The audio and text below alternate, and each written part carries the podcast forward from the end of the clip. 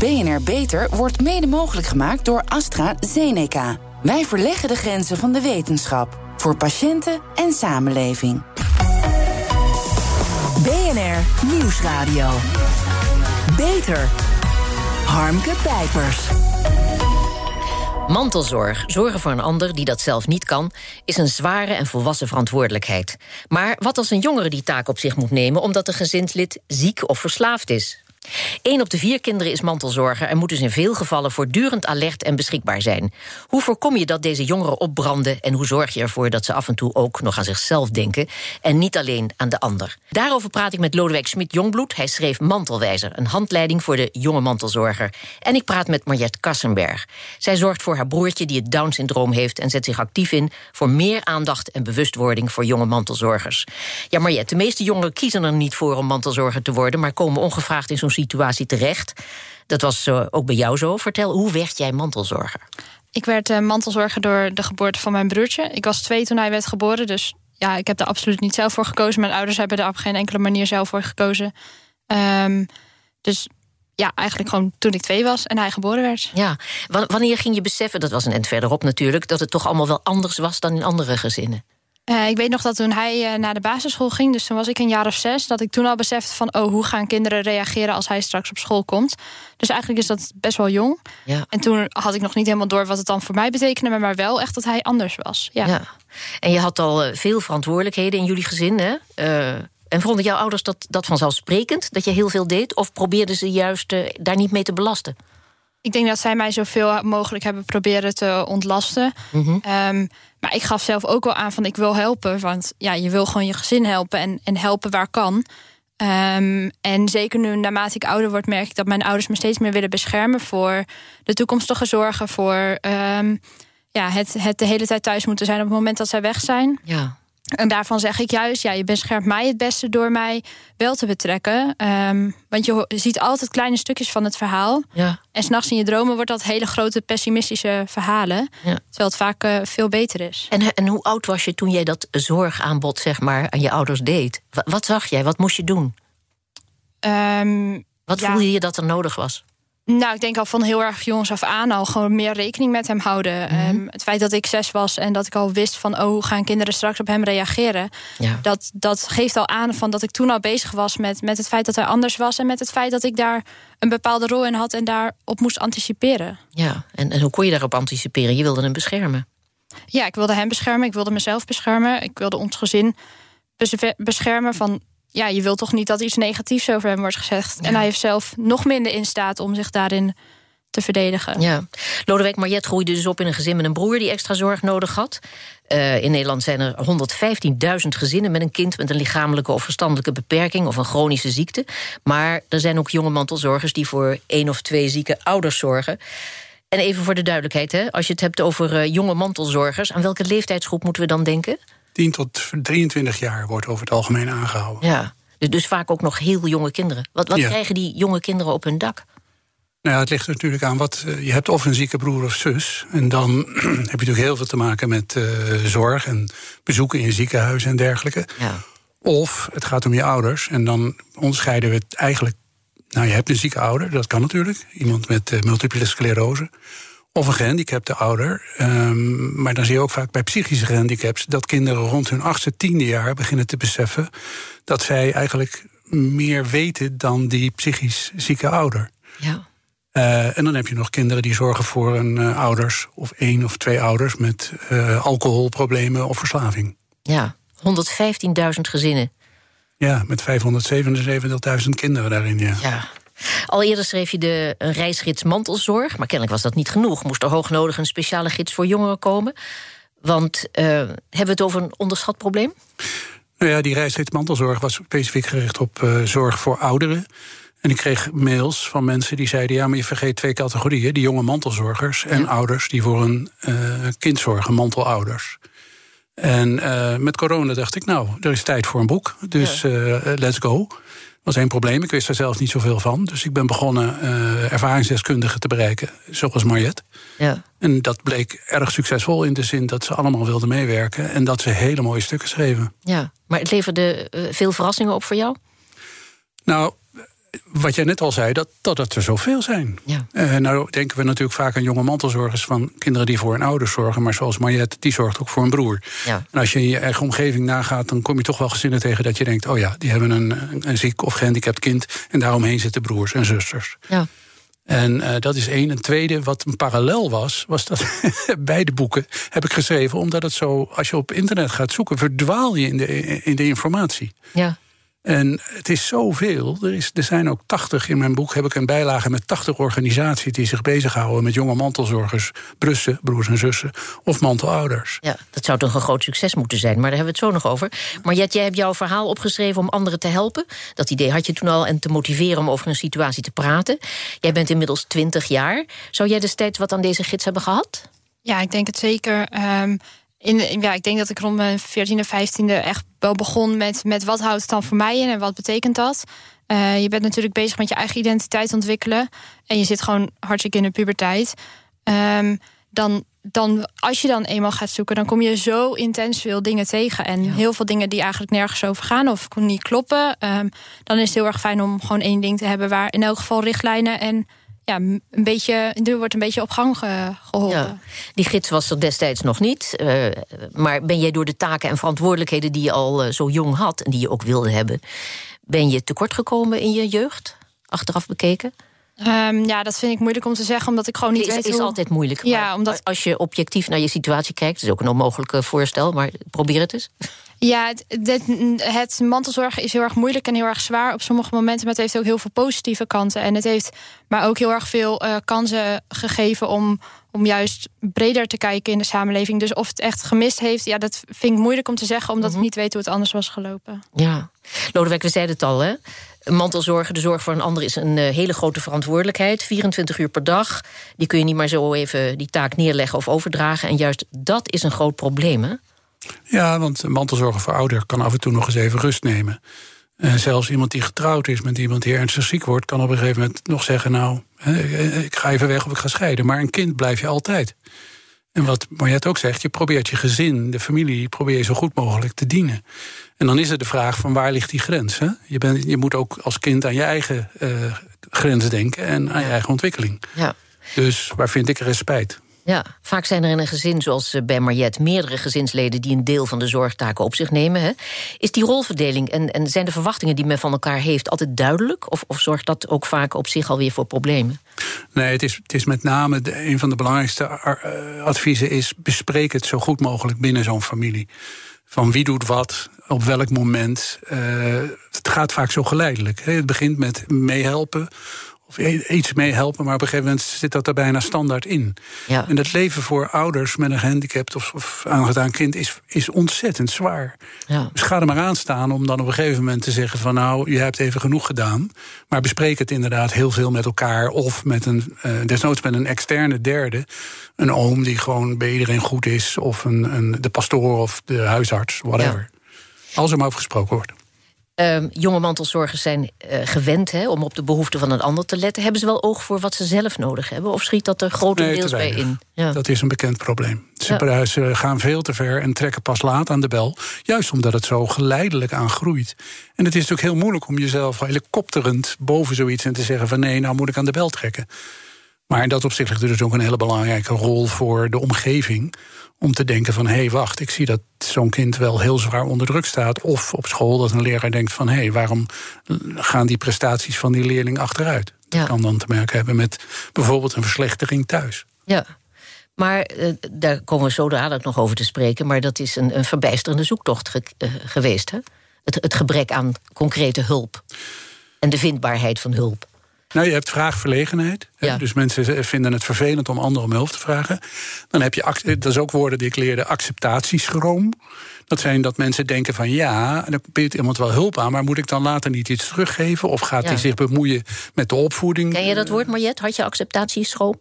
Ik uh, ken het woord niet, maar ik kan me er wel heel goed iets bij voorstellen. Zeker vanuit het perspectief van mijn ouders gezien. Um, ja, je moet wel heel erg veel, heel erg veel vertrouwen in een mens hebben. Wil je hulp van buiten, buitenaf uh, uh, accepteren? Want het gaat wel over je kind. Je weet nooit Ja. hoe iemand uh, jouw kind. Jouw zoektocht.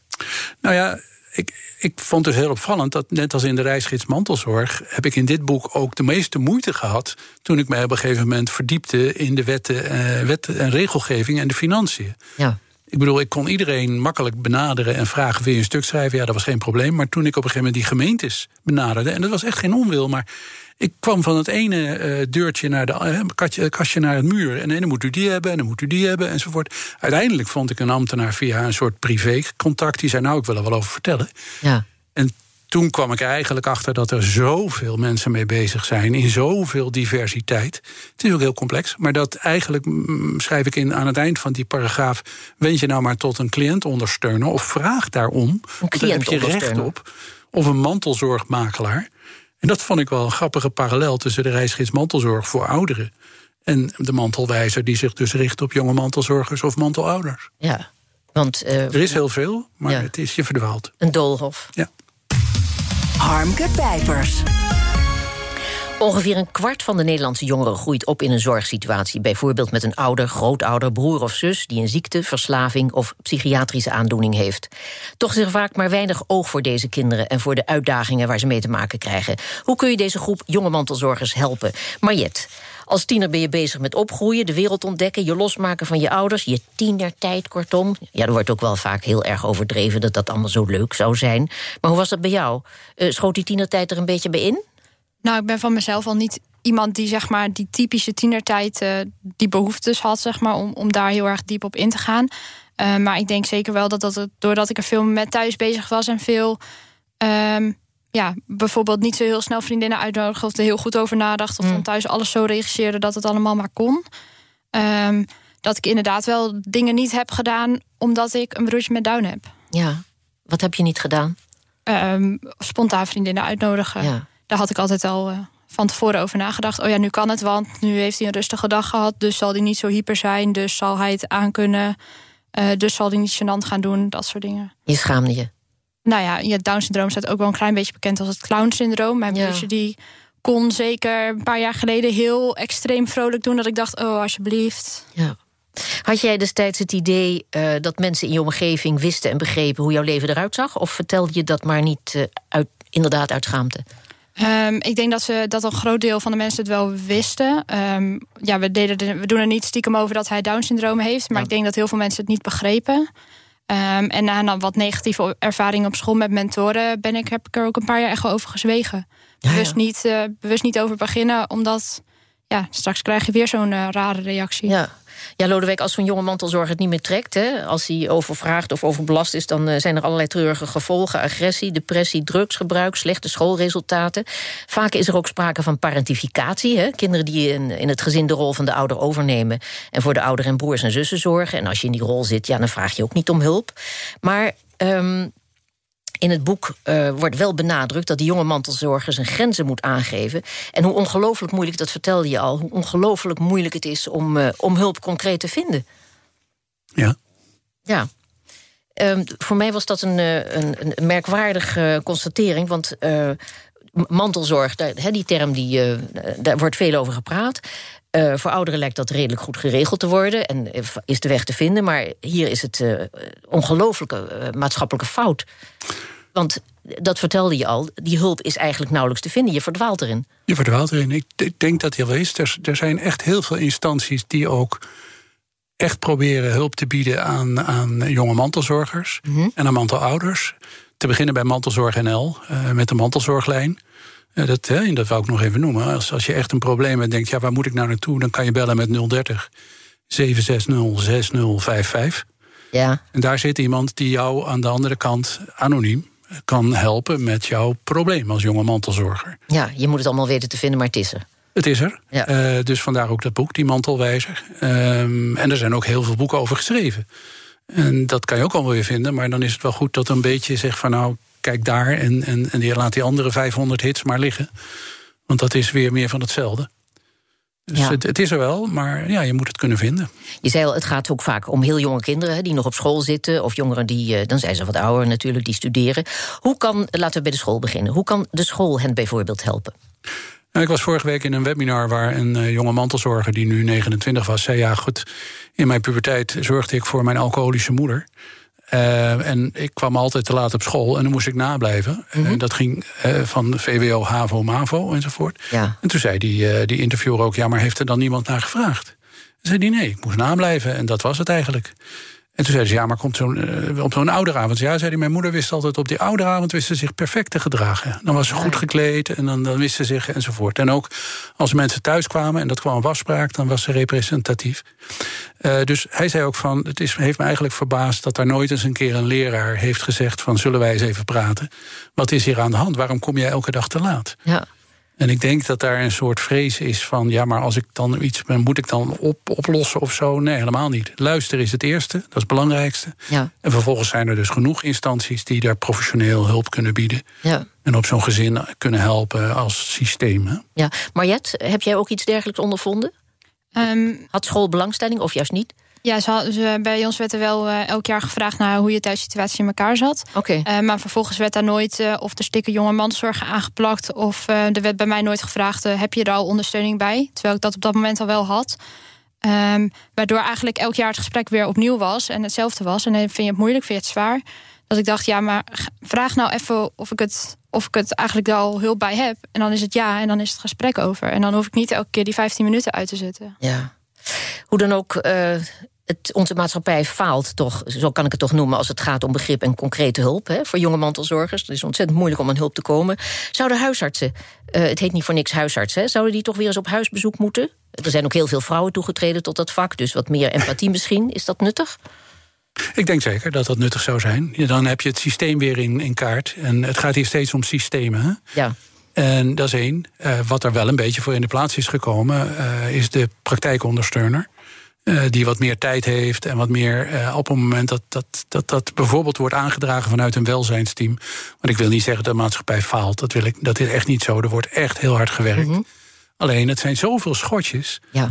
En uh, toevallig zijn wij in ons geest bezig om al die dingen aan elkaar te knopen. Welzijn, huisartsen, vrijwilligerszorg. Zodanig dat je ook eens een keer elkaar informeert van hé, hey, volgens mij is daar wat aan de hand. Ja.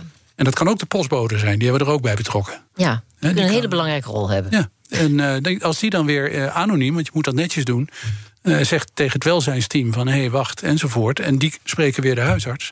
Ja, dan komt er op een gegeven moment eens een keer wat structuur. Ja. Goed, heel veel goede wil, maar nog heel veel te regelen wat Ja. dat betreft. Ja. Maar Jet, hoe kijk je naar de toekomst als jouw ouders er niet meer zijn? Nemen jij, en je hebt nog een broer, hè, nemen die dan automatisch de zorg over? Um, ja, we hebben het hier steeds meer over thuis. Um, en zoals we het nu zien, uh, um, nemen mijn broertje en ik, ik de zorg over. Um, maar ik denk dat het vooral heel erg belangrijk is dat we daar goed en open blijven communiceren. Dat stel dat een van ons wel in het buitenland gaat wonen, ik noem maar wat. Ja. Um, dat we wel de mogelijkheden hebben om te kijken hoe doen we het verder en, en wat is de meest ideale situatie voor iedereen. Um, maar dat is zeker, heeft zeker zorgen, ja. Ja, en, en praat je daar met je ouders over? Uh, steeds meer. Nu ik, nu ik er steeds opener over ben en ook steeds meer verschillende plekken en deze vraag ook steeds meer krijg. Um, en ook van anderen hoor van ja, wij hadden het niet goed geregeld en het ging heel plotseling heel verkeerd en opeens moest ik het overnemen. Dacht ik ja, dan wil ik er wel alles aan doen om te zorgen dat dat bij mij niet gebeurt. En wil ik leren van de ja, fouten, de zaakjes uh, van anderen. Ja. Mag ik daar wat over zeggen? Ja? Dat is heel belangrijk om dat uh, wets, uh, juridisch notarieel goed vast te leggen. Ik heb daar meerdere ouders over gesproken die zeggen... we hebben wel elk kind krijgt een derde... maar een van de kinderen is bewindvoerder over zijn broer. Ja. Uh, en we hebben zo geregeld dat hij jaarlijks een toelage krijgt... zodat ze niet alles in opneemt in één klap... of door een loverboy wordt geplukt, ja, of whatever. Dus begin daar tijdig mee met een, uh, met een familietestament... Uh, waarin je dit soort dingen vastlegt. En bespreek dat met de kinderen. Want ook hier, hè, als je het met elkaar bespreekt... dan, ligt het, dan weet je van elkaar en dan kan je erop voorbereiden. Ja. Wat hebben jullie nog meer tips voor de jonge mantelzorger... om overeind te blijven, Mariette?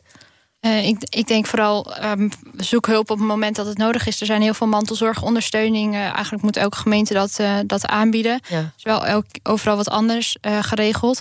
Zoek andere jonge mantelzorgen op met een heel saai woord lotgenootcontact noemen ze dat. Ja. Um, maar daar vind je wel heel veel herkenning en erkenning. En het heeft mij wel heel erg veel heel ver gebracht. Ja, saai maar hartstikke nuttig. Ja, nou ja, het, hoeft, het, het, woord klinkt heel saai, maar ja. het, het, in contact komen met elkaar is op het begin heel erg spannend, maar is absoluut niet saai. Ja. Jij nog een tip, Lodewijk? Nou, erover lees, praten lees en, en, en, en, lees de mantelwezer. ja, dankjewel, Lodewijk Smit-Jongbloed en Mariette Karsenberg. Zorgvernieuwers.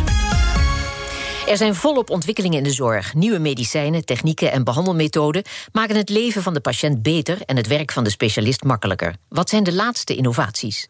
Het verwijderen van de slokdarm bij iemand die slokdarmkanker heeft is een ingrijpende en risicovolle operatie. Maar door een nieuwe manier van opereren wordt de kans op complicaties een stuk kleiner.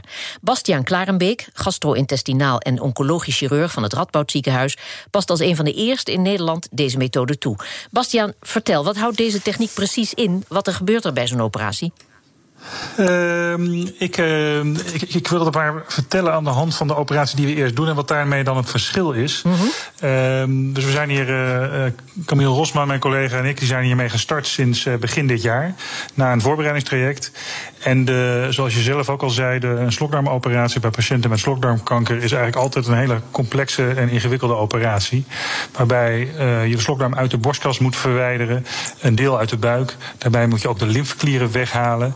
En bij zo'n operatie, die dus deels via de borstkas gaat en deels via de buik, is de kans op complicaties zeer groot. Mm -hmm. En eigenlijk de belangrijkste complicatie uh, zijn longcomplicaties.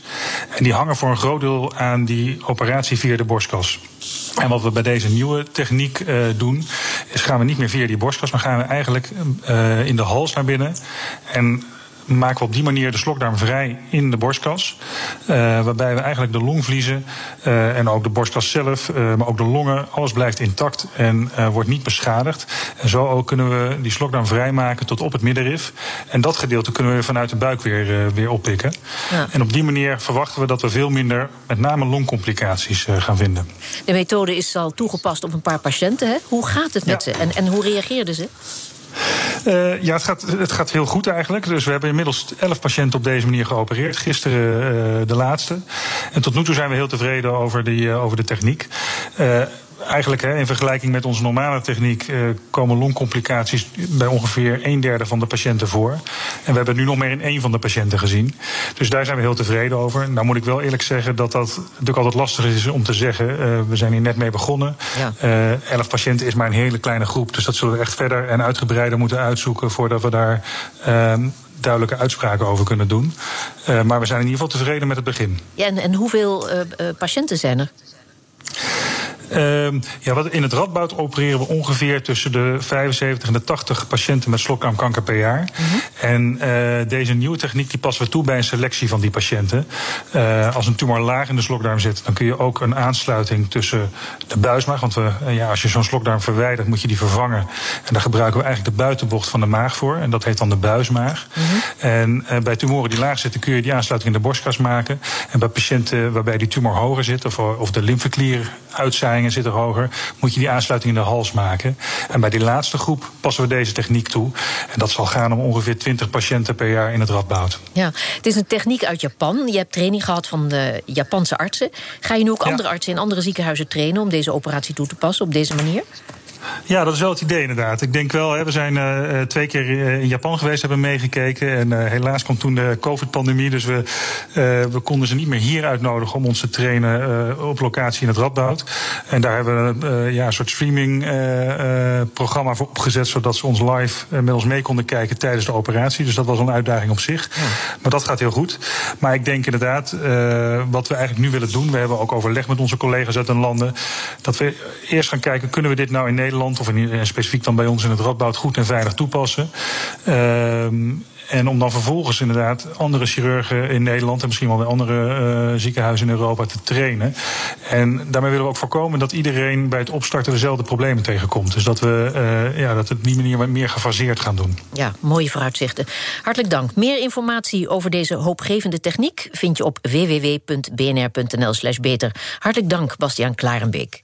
En tot zover deze uitzending van BNR Beter. Op bnr.nl/slash beter is deze uitzending terug te luisteren of on demand via de BNR-app en op uw favoriete podcast. We zijn ook op Twitter te vinden onder @bnrbeter. Heeft u tips voor ons? Laat het ons weten. Ik ben Armke Pijpers. Graag tot een volgend spreekuur. BNR Beter wordt mede mogelijk gemaakt door AstraZeneca. Wij verleggen de grenzen van de wetenschap voor patiënten en samenleving.